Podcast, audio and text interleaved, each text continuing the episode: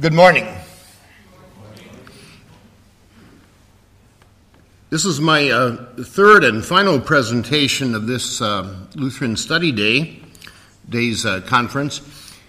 Uh, but we're going to be looking uh, at the first commandment. Uh, maybe this is a little backwards again. Maybe we should have started the other day with first things first, the first commandment in Luther's Catechism. Uh, but this is the way uh, things kind of unfolded, and that's okay. Uh, I, I, think these um, presentations kind of stand on their own two legs anyway, and, um, and the sequence isn't that uh, important. But I want to look at uh, Luther's understanding of the first commandment as it's reflected, uh, particularly in both small and large catechisms.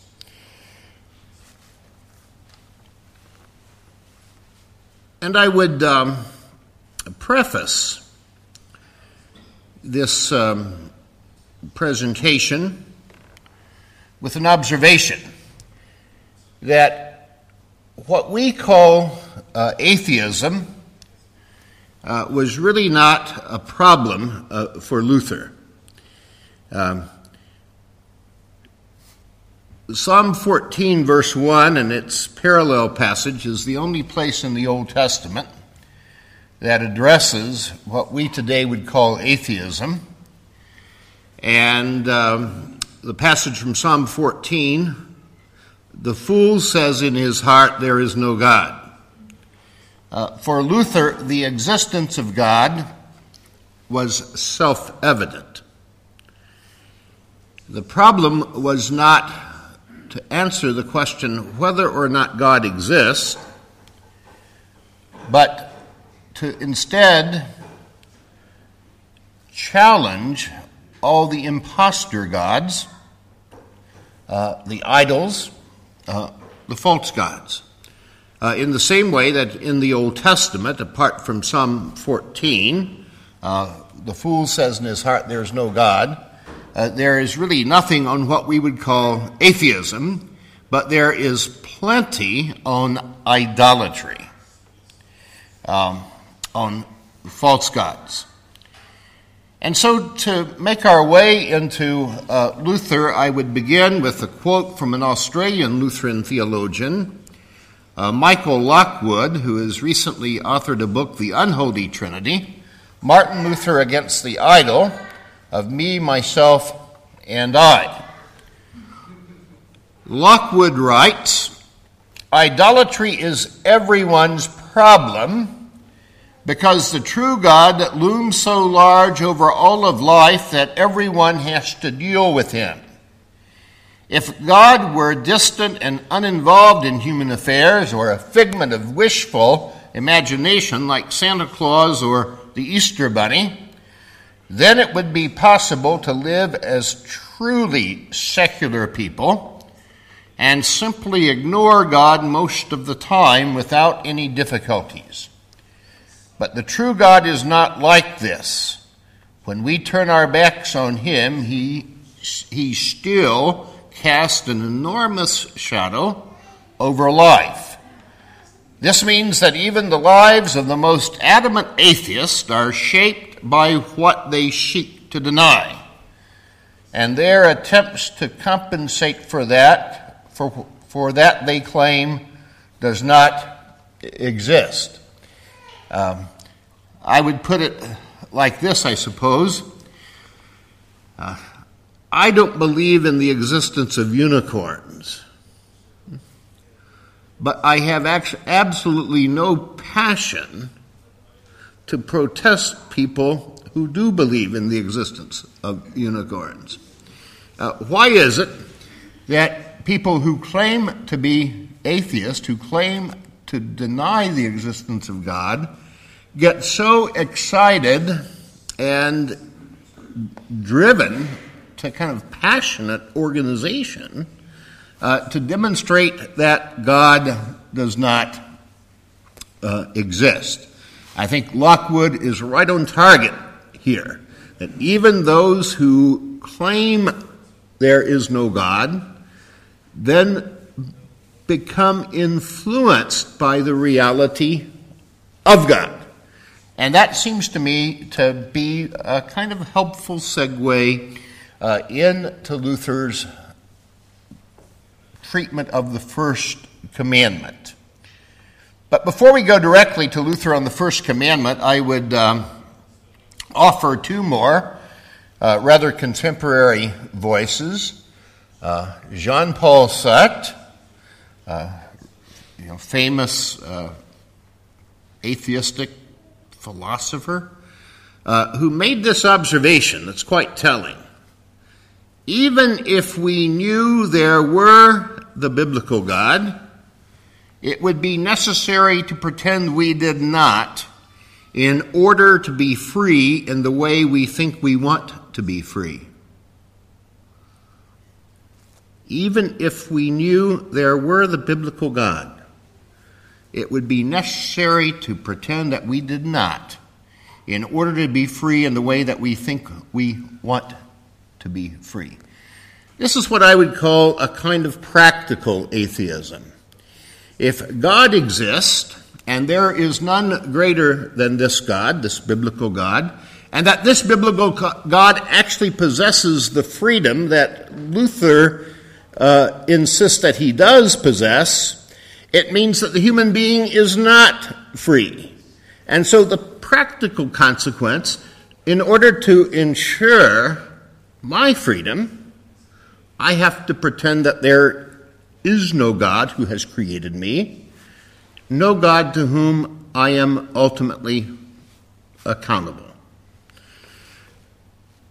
And then another voice from the American kind of folk philosopher, uh, Mark Twain, again, not one who is regularly identified as an advocate of confessional Lutheran theology.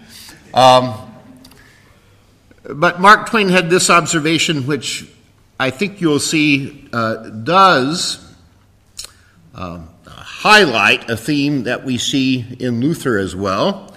Mark Twain said, In the beginning, God created man in his own image, and ever since man has returned the compliment.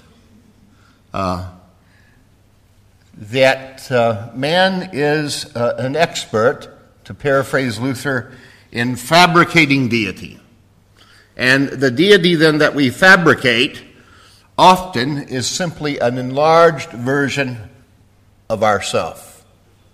Uh, another example, by the way, of enthusiasm, which we talked about in a little more detail uh, yesterday. Uh, John Calvin used the phrase that the human mind is an idol factory. Um, that's very evocative language. Uh, Luther, in the large catechism, uh, basically says the same thing when he says that uh, the human mind will indeed make its own idols. Uh, Luther's confession of the first commandment uh, in both catechisms is built on the recognition and here I'm simply paraphrasing Luther that faith makes both God and an idol. Uh, Luther's language in the large catechism if your faith is right, if the object of your faith is the true and living God, then you have the Lord. First commandment fulfilled. But if your faith is misdirected and you are going to have faith in something, you cannot be without faith in Luther's mind, uh, then your faith will make also an idol. Uh, you will attach yourself uh, and fear, love, and trust in an object uh, other than the God who is the creator, the same God who raised Jesus uh, from the dead. Well, let's turn then to the first commandment as Luther gives it to us in the small catechism. Uh, I would suggest that the first commandment is actually the anchor point of the whole catechism. Uh, that if you that Luther puts the first commandment First, not only because it is the top of the list in the biblical Decalogue, but because it really anchors everything else he is doing in the small catechism, and that if the first commandment is kind of the anchor point of the small catechism, the small catechism is then centered in the confession in Jesus Christ, my Lord. A kind of coherence there, by the way, uh, between the first commandment and second article, and we could even say first commandment and the entire creed uh, itself. Uh, Luther's confession of the first commandment in the small catechism, uh, you know well. You shall have no other gods. What does this mean? We should fear, love, and trust in God above all things. Now, there are a few things I would observe about the way Luther uh, treats the first commandment in the small catechism. Uh, the first is this he gets to the very heart of the first commandment. The simple assertion you, whoever you are, shall have no other gods. Now, if you read the entire biblical narrative of the giving of the Decalogue, Exodus, Deuteronomy, you have the prologue, right? I am the Lord your God who brought you up out of the land of Egypt. Uh, and, and that prologue then introduces the first commandment. Um, we're going to come back and talk a little more about the prologue later, but it is interesting to note that Luther does not include the prologue in the small catechism. He simply includes the naked commandment itself. I think there's reason for that, and I think we can see the reason if we go back to a piece that Luther wrote um, four years before the Catechism, 1525, on how Christians should regard Moses, uh, which is, among other things, uh, Luther's own Old Testament hermeneutic. How are you to read the Old Testament? Uh, why is it that uh, Christians, for example, do not worship on Saturday. Uh, uh, why is it that we can eat shrimp huh, and enjoy ham sandwiches and even wear polyester? You know, uh, because these things are actually you know forbidden uh, in, in in in the Pentateuch. Okay, and and and um, and so basically, Luther says when you're reading Old Testament, you have to also ask the question to whom is God speaking? Uh, and uh, Luther says, we are not Jews. Uh, we were not the people who were brought up out of the house of bondage, out of Egypt. Um, and uh, and, and then he goes on to talk about the significance of the Ten Commandments for us, not simply because they're in the Old Testament, but because they agree with God's law in creation, they're universal, and they're reaffirmed by New Testament teaching. But he makes it clear that we are not the ones being addressed in, in, with the giving of the Ten Commandments directly, because God is addressing these commandments to those that He brought up out of the land of, of, of Egypt. And so He says, We simply will not be saddled with Moses and all that business here, because we are, we're Germans, we're not Jews. Yet, with the first commandment and the other commandments as well, Luther sees these commandments already established by God in creation before they were given at Sinai. In other words, even before the Ten Commandments were given in inscripturated form, they were already operative in creation itself. And so the point of address with the first commandment is ultimately to all of humanity. You, whoever you are, you shall have no other gods. And then what does this mean? We should fear, love, and trust in God above all things. And we are to remain pupils, Luther says, of the first commandment. Um, writing in 1520, a treatise on good works. Therefore, however long we live, we shall always have our hands full if, we, if we remain pupils of the first commandment and of faith throughout all work and sufferings, and never cease to learn. Nobody knows what a great thing it is to trust God alone except Him who begins to trust and tries to do faith's work. One of the features of Luther's catechism is that it is always addressing us in the present tense. Uh, one cannot read the first commandment as though the first commandment were simply number one on a checklist and then come to the conclusion I don't go to the Hindu temple and throw incense at some Hindu deity. I don't have a statue of Buddha in my house. Uh, I don't answer the call to pray to Allah. Uh, I must be okay here and then move beyond the first commandment.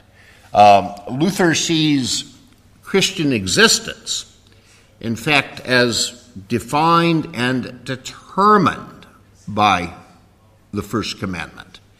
Um, that he says we remain pupils of the first commandment it, because we are always being challenged with invitations to idolatry. Uh, this also would lead me to make another observation about the Catechism, and it's an observation that I have, um, I'm indebted to Oswald Bayer again. Um, Bayer contrasts Luther with um, Thomas Kempis. He said the medieval tradition following Thomas Kempis viewed theology as faith seeking understanding. And Luther, in turn, viewed theology as faith enduring attack. Faith enduring attack. Uh, we Lutherans typically don't talk very much about spiritual warfare. That's a term that, at least in the United States, has been kind of co opted by Pentecostals. But there is a way in which Luther understands the Christian life as an imperiled life, um, that he understands that there is a spiritual warfare going on, uh, not with flesh and blood, but with principalities and powers, and that Satan's target is always the first commandment. That we are invited to fear, love, and trust in something other than the true and, and, and living God. So we remain pupils of the first commandment. And with Bayer's observation that for Luther, theology is faith enduring attack, uh, I would suggest then that the Catechism is this handbook for the Christian life, anchored again in the first commandment uh, that the Catechism is equipping Christians to endure this kind of attack from Satan, uh, from the world, and then also from my own sinful uh, flesh. More on that uh, in a few minutes. And as Luther puts it here in the Treatise on Good Works, um, uh, that when we begin to trust in God alone uh, and try to do the works of faith, we come under this attack. Uh, and we are always brought back uh, to the tutorship uh, of the first uh, of, of, the first commandment. Uh, the first command in the first commandment, God Himself uh, is speaking. Uh, listen again to Luther in the Large Catechism. Therefore, let everyone take this to heart and thus be careful um, not to regard this as a mere human being we're speaking, for it brings you either eternal blessing, happiness, and salvation, or eternal wrath, distress, and heartache. What more could you want or desire than God's gracious promise that He wants to be yours with every blessing, to protect you, and to help you in every need? Unfortunately, the world neither believes this nor regards it as God's word. For the world sees that those who trust in God and not in mammon suffer grief and want and are oppressed and attacked by the devil. They have neither money, prestige, nor honor and can hardly stay alive. Consequently, those who serve mammon have power, honor, possessions, and all sorts of security in the world's eyes. Therefore, we must hold fast to these words even in the face of apparent contradiction, and be certain that they do not lie or deceive, but will prove true. Uh, for Luther, that is really the, the, kind of the positive side here of the first commandment. Um, that the first commandment is fulfilled by faith alone. Uh, that we hold fast uh, to the triune God in the face of all opposition and even in the face of reverses that we might suffer in this life and apparent uh, contradiction, as Luther says. The first commandment is then uh, fulfilled by faith alone. Uh, to trust God is to rely solely on His promises in life and in death. It is to look to Him for every good thing. Our trust is not in what can be seen, but in the God who has identified Himself as our Lord, in the promise of all promises, to use Luther's language recorded in Exodus 20, verse 2. I am the Lord your God. So there, Luther does come back to the preface, to the first commandment and he sees uh, the commandment in that sense being um, anchored uh, in this promise I am the Lord your God. Uh, and that this is why Luther can understand the first commandment in such expansive terms. Uh, again, to uh, uh, paraphrase Oswald Bayer, the first commandment, Bayer says, is both law and gospel. It is law in the sense that it absolutely prohibits any false God. It is gospel in that it announces if you have Jesus Christ, you need no other God. So, kind of the flip side of the first commandment is the fact that we have all the God we need in the baby of Bethlehem, the man of Calvary, the Lord Jesus Christ. And so the first commandment is a matter of trust. Again, Bayer, trust in the world without trust in God is an illusion because the world is not trustworthy. Uh, the world uh, seems, at least to our way of reckoning, reckoning uh, seems to be chaotic. Um, without rhyme or reason. Uh, people who have health one day uh, are buried a few days later. Uh, people who have wealth end up losing it. Uh, people who have prestige uh, uh, end up being mocked. that everything that the Bible identifies as mammon, the things of this world, uh, is, is, is finally not uh, trustworthy. Uh, and, and, and the world makes a very poor substitute uh, for the one who has made the heavens and the earth. The first commandment and the dangerous road of discipleship. Um, the way of, of the first commandment invites attack by our ever resilient enemies the devil, the world, and the flesh. Um, you're probably familiar, many of you are familiar with Luther's Oratio, Meditatio, Tentatio. Uh, his right way to study theology, as he puts it in 1539 in the preface to the German edition of his works. And, uh, and, and it's so much in that little phrase for Luther. But one aspect I would pick up on there is under the meditatio, Luther says when you begin to meditate on the first commandment, and for Luther, meditation means that you're taking it to heart. It's actually becoming part of you. It's not just that you're kind of thinking about it or um, superficially engaged, but your mind is dwelling on it and you're taking it to heart. So he says the moment you begin meditating on the first commandment, uh, you've made for yourself an enemy. Satan is on the attack.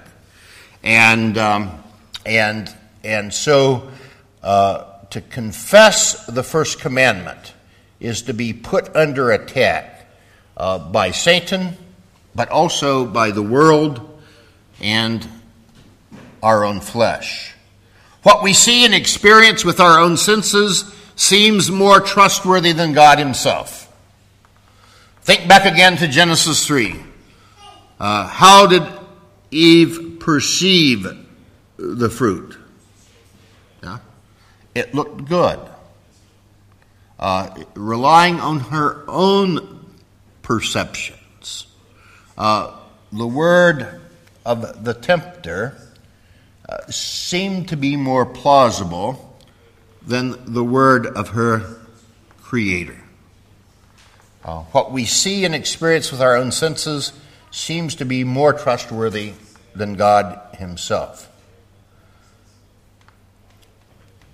In the words of Friedrich uh, Mildenberger, we thus must learn to distinguish between the illusory world of idolatry that people create for themselves and the real world established by God.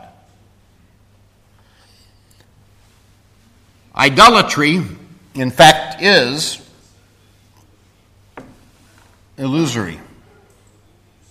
Uh, the word uh, idol comes from the Greek eidolon, meaning phantom or image.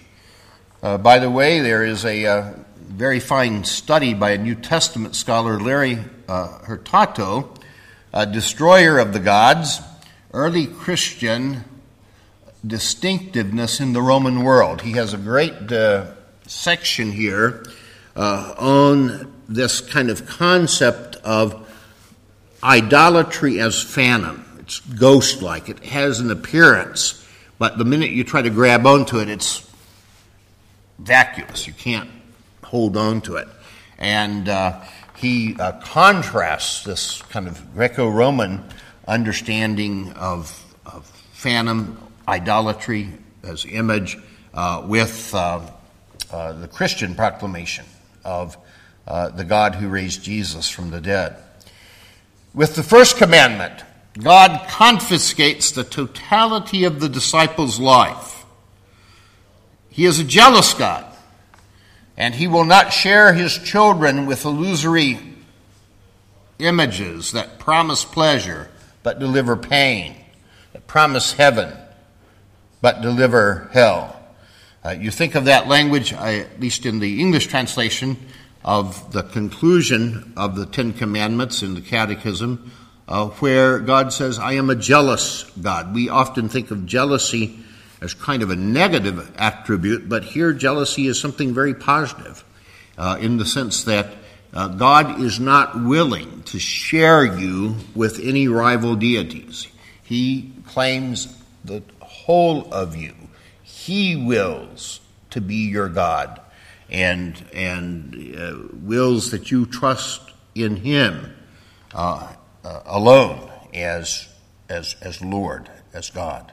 And so God wars against these phantoms uh, who are elusive and deceptive. The Apostle Paul captures the illusory nature of false gods in 1 Corinthians in the context of his discussion of eating food sacrificed in the pagan cultus of 1 Corinthians 8 4b through 6.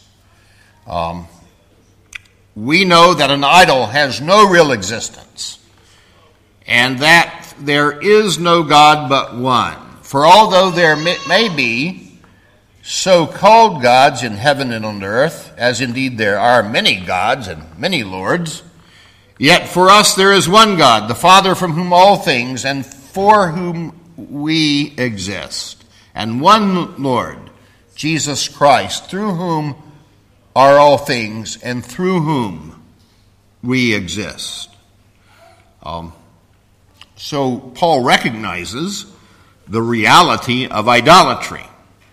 Uh, even though these gods have no being, no existence, um, they are worshiped as such. They have this kind of phantom like uh, appearance.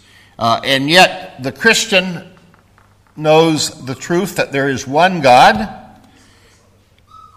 who created all things, and the one Lord Jesus Christ, through whom all things exist. In the words of Helmut Thielicke, for belief in idols does not have its root in the existence of false gods. It is merely a projection of the wandering heart which has fallen victim to blasphemy. Uh, in other words, this wandering heart is in search of a Lord, in search of something to hang on to, in search of something that will give identity, security, and meaning, in search of something to fear, love, and trust above all things. And so we are back to this insight from Luther. Faith makes God and an idol, it should say there. Faith makes God and an idol. For Luther, a right understanding of the first commandment requires the distinction of God's law from the gospel. The first commandment forbids, prohibits, and condemns trust in anything or anyone other than the God who has made us. This is law. But there is also good news in the first commandment because we have the true God by faith. And to have him is to have the only Lord you need in life and in death. Uh, Luther put it like this in his exposition of um, the penitential Psalms, 1525 For you are my God. Psalm 43, verse 10. That is, I do not make for myself an idol out of my wisdom and righteousness, as my enemies do. Instead, I cling to your grace and receive from you wisdom and righteousness, which are found in you and endure forever. How then are we to preach the first commandment? I would suggest that the preaching of the first commandment actually demythologizes. Uh, Rudolf Bultmann, the um, uh, famous or infamous uh, New Testament scholar from Marburg, who was born in 1884, died 1976, um, wrote a very famous book, Jesus Christ in Mythology. And uh, Bultmann advocated uh, that in the act of preaching we are to demythologize the New Testament, uh, that the kerygmatic uh, and existential truth of the New Testament, he said, was wrapped up in mythological language, imagery that modern man uh, can no longer accept or comprehend.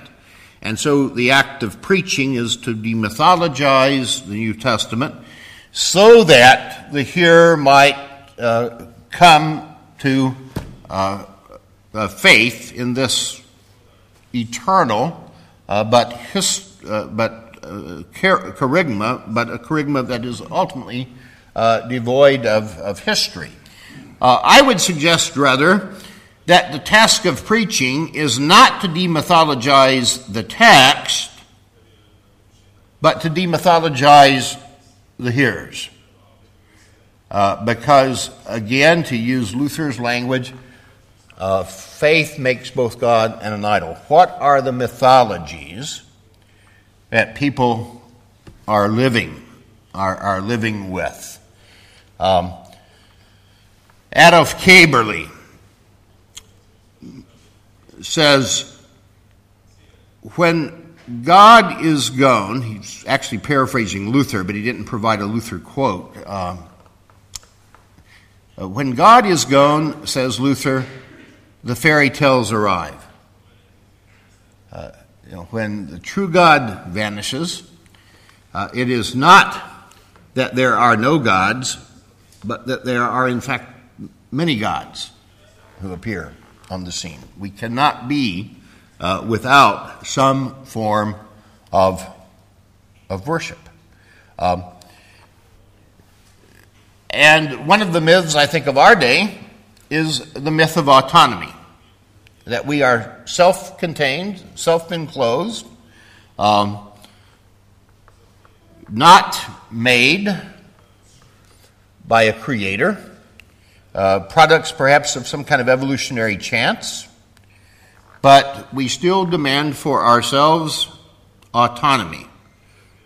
And I think here uh, the words of Werner Elert are particularly striking. Before God, autonomy cannot achieve comprehensive fulfillment. It remains merely a demand of the ego. Um, I tell my students that the fact that, you ha- that they have a belly button means that they are not autonomous. I mean, your life did come from someplace, you know, and you're not going to be able to keep yourself alive. And so, again, Elert's way of characterizing this is, is that autonomy is a demand of the ego, but it's ultimately unfulfillable. That's one of the myths that we, I think, see today that human beings are simply autonomous. Uh, and yet, in reality, we all know that we are not autonomous. Um, Satan does attack the first commandment. Um, Edmund Schlink writes Thus the devil lures men to devise their own gods and cults, and he fans into blasphemy and idolatry the small spark of their knowledge that there is a God. He misleads men not only to a corruption of the Decalogue in his thoughts, but also to transgressions in the act, act of murder, adultery, greed, etc. Both sins, blasphemies, and vices are inseparably connected. Ungodly deeds are produced by ungodly opinions. The devil seduces men by stupefying them. They imagine that they are wise, whereas they go astray as fools. And then they think they are good, even while they do evil. And so Luther says we are to learn the first commandment well. Uh, in the large catechism, he urges Christians to learn the first commandment well so that we see that God will tolerate no presumption or trust in anything else. He makes no great no greater demand on us than a heartfelt trust in him for every good thing so that we walk straight ahead on the right path using all of God's gifts exactly as a shoemaker uses his needle awl and thread for his work, and afterwards puts them aside as a traveler makes use of an inn, food, and lodging, but only for his physical needs. Let each person do the same in his or her walk of life according to God's order, allowing none of these things to be a Lord or an idol. The first commandment is foundational and essential for disciples of Jesus Christ. For as Luther says, out of this commandment flows all the doctrine of the prophets and the Psalms as out of a spring and fountain. Likewise, curses, threats, and all promises. We see also in Luther that the first commandment overlaps with the first article. That is to say, creation is not an idol to be feared, loved, and trusted in above all things. Uh, we've already covered that in the previous lecture a bit. Uh, that God gives creation as gift. Uh, it is received with thanksgiving by those who know the truth. Uh, and those who know the truth do not exchange creation for the Creator. Uh, secondly, creation is not an enemy to be overcome or subjected by the human will. Creation is received as God's good gift, received in faith with thanksgiving, and received also to be used in loving service of the neighbor within creation. And where creation is received as a gift, it cannot then be made into an idol. The first commandment is the source and the center of the Decalogue. Uh, Luther is expli- especially explicit on this in the large catechism. He writes, Thus you see how the first commandment is the chief source and fountainhead that permeates all others. Again, to it they all return, and upon it they all depend, so that end and beginning are completely linked and bound together. Um, Luther uses a variety of imagery to illustrate this. He talks about the first commandment as a kind of hoop or loop that links the other commandments. That the first commandment is the source, it's the fountain of all other commandments. And at the heart of each of the other commandments of the Decalogue is always the first commandment. And so Albrecht Peters writes All commandments are established on the first commandment of fear and love of God. And so Luther, of course, in the Catechism, introduces the remaining commandments. We should fear and love God, or we should, um, uh, uh, yeah, we should fear and love God so that. Uh, so he's always kind of linking back uh, to the to the first commandment. Um, the first commandment is also interpreted uh, by the conclusion. Uh, remember that Luther uh, takes what is the conclusion of the first commandment in the biblical text, and in the catechism he places it after the tenth commandment to make this point um, that uh,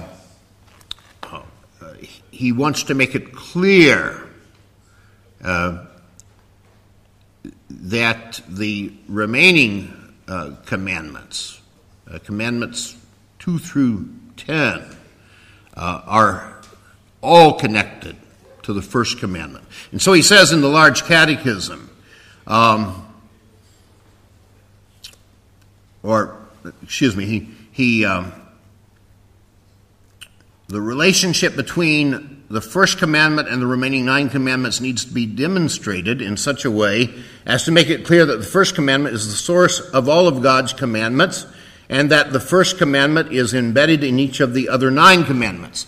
Luther demonstrates this by placing the epilogue, Exodus 25 to 6, Deuteronomy 5, 9b, and 10, uh, to the, uh, that's the epilogue to the first commandment in the biblical text as the conclusion to the Decalogue itself in the Catechism. Each of the commandments is taught in light of the first commandment.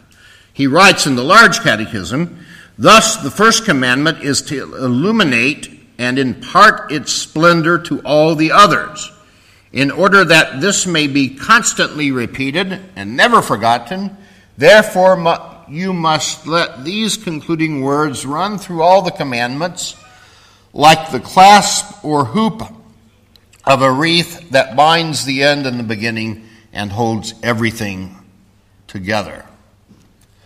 Uh, and so you think of how, how, Luther treats the conclusion of the first commandment, uh, making it the conclusion of all the commandments in the Catechism. Uh, catechetical text, which is before you there. Uh, what does God say about all these commandments? He says, I, the Lord your God, am a jealous God, punishing the children for the sin of the fathers to the third and fourth generation of those who hate me, but showing love to a thousand generations of those who love me and keep my commandments. And what does this mean? God threatens to punish all who break these commandments. Therefore, we should fear his wrath and not do anything against them. But he promises grace and every blessing to all who keep these commandments. Therefore, we should also love and trust in him and gladly do what he commands. And you see what Luther is, is doing there. Um, he is drawing the language of his exposition of the first commandment, fear, love, and trust in God above all things, and kind of recasting it at the end of the commandments with this conclusion that we, what does it mean to fear God? Um, fear for Luther is more than simply reverential awe. Uh, we are to fear his wrath uh, and not do anything against these commandments. But he also promises grace and every blessing to all who keep these commandments. Therefore, we should love and trust in him and gladly do what he commands. And so, in this way, Luther is kind of cementing the connection between the first commandment and the remaining nine commandments. Luther also notes the connection between worship and the first commandment. The first commandment requires a distinction between beneficium and sacrificium, between benefit and sacrifice. Uh, Luther sees in the large catechism violation of the first commandment uh, cast religiously uh, in the Roman teaching of the sacrifice of the Mass, where man's sacrifice uh, displaces God's testament. Uh, the first commandment, uh, Luther argues, teaches us the true worship of God uh, which is, is faith in God's promises. Uh, that faith is the highest worship of God, to use the language of uh, the apology to the Augsburg Confession. And that the first commandment uh, is fulfilled by, by faith alone. That the first commandment stands against every idolatry, including the idolatry that would come out of the pious heart when we believe that our sacrifice is uh, reconciling us to God uh, rather than uh, the work and the sacrifice of Christ Jesus. The first commandment then also keeps faith in heaven and works on earth. Um, Vilmos Vajta, his book Luther on Worship, has actually looked at Luther's whole theology of worship in light of the first commandment. Uh, Vajta writes, For man's activity must be swept out of heaven, where his works count for nothing, and be busied instead on earth, where his fellow men wait for him to exercise his Christian faith. Uh, so, again, distinction between uh, faith and works. First commandment, uh, faith in Christ, and then faith in Christ is, busies itself uh, with love that is active in the service uh, in the service of the neighbor. Um, in his treatise on good works, which we have cited before from 1520, uh, Luther says there is no better mirror in which to see your need than the Ten Commandments, in which you will find what you lack and what you should seek.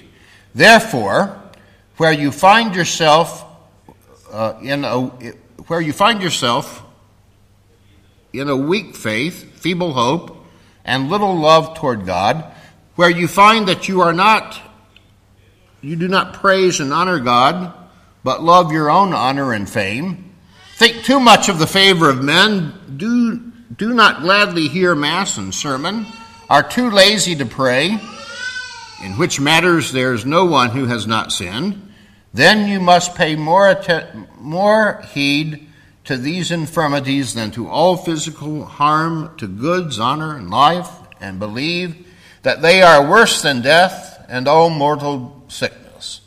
You should earnestly lay these infirmities before God, lament, ask for help, and with all confidence expect help, believing that you are heard and that you will receive help and mercy. The first commandment, in other words, determines uh, the Christian the Christian life. And for Luther, uh, the first commandment is finally fulfilled only in Christ Jesus. Uh, that's the reason Luther will speak about the first commandment being fulfilled by faith and not by human works. Uh, that uh, Jesus, uh, Christ, is the Lord who is to be feared, loved, and trusted above all things. And in this Christ, we have certainty. And this actually is uh, kind of a good place to bring this discussion of the Ten Commandments in Luther, or the first commandment in Luther, to a close with a citation again from Oswald Bayer.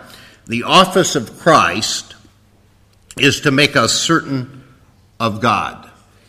Uh, and this certainty uh, is not something that we derive from ourself, but from Christ. He is the one who has fulfilled the first commandment. He is the one who has feared, loved, and, got, and trusted in his Father perfectly.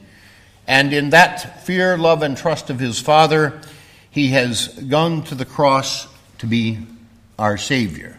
And raised from the dead, he lives now to give us life. And so that in him, in Christ, we find all of the good things of God. First, second, third articles all converge uh, in Him. First commandment fulfilled in Him, and through faith in Him, first commandment then fulfilled in us. And in Him we have certainty of God. Office of Christ is to make us certain of God. Thank you very much. I appreciate your attention. And again, it's been uh, wonderful to be uh, with you uh, for the Lutheran uh, study days. And I hope uh, uh, these presentations on various aspects of the Catechism will be helpful for you in your own Christian life and, and, and work. Thank you.